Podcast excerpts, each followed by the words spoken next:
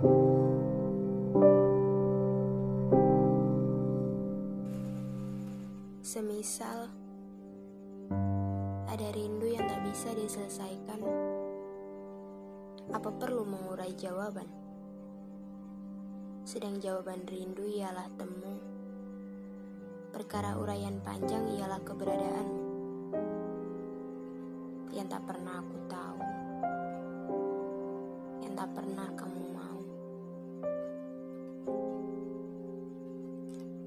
Semisal ada rindu yang tak berkesudahan,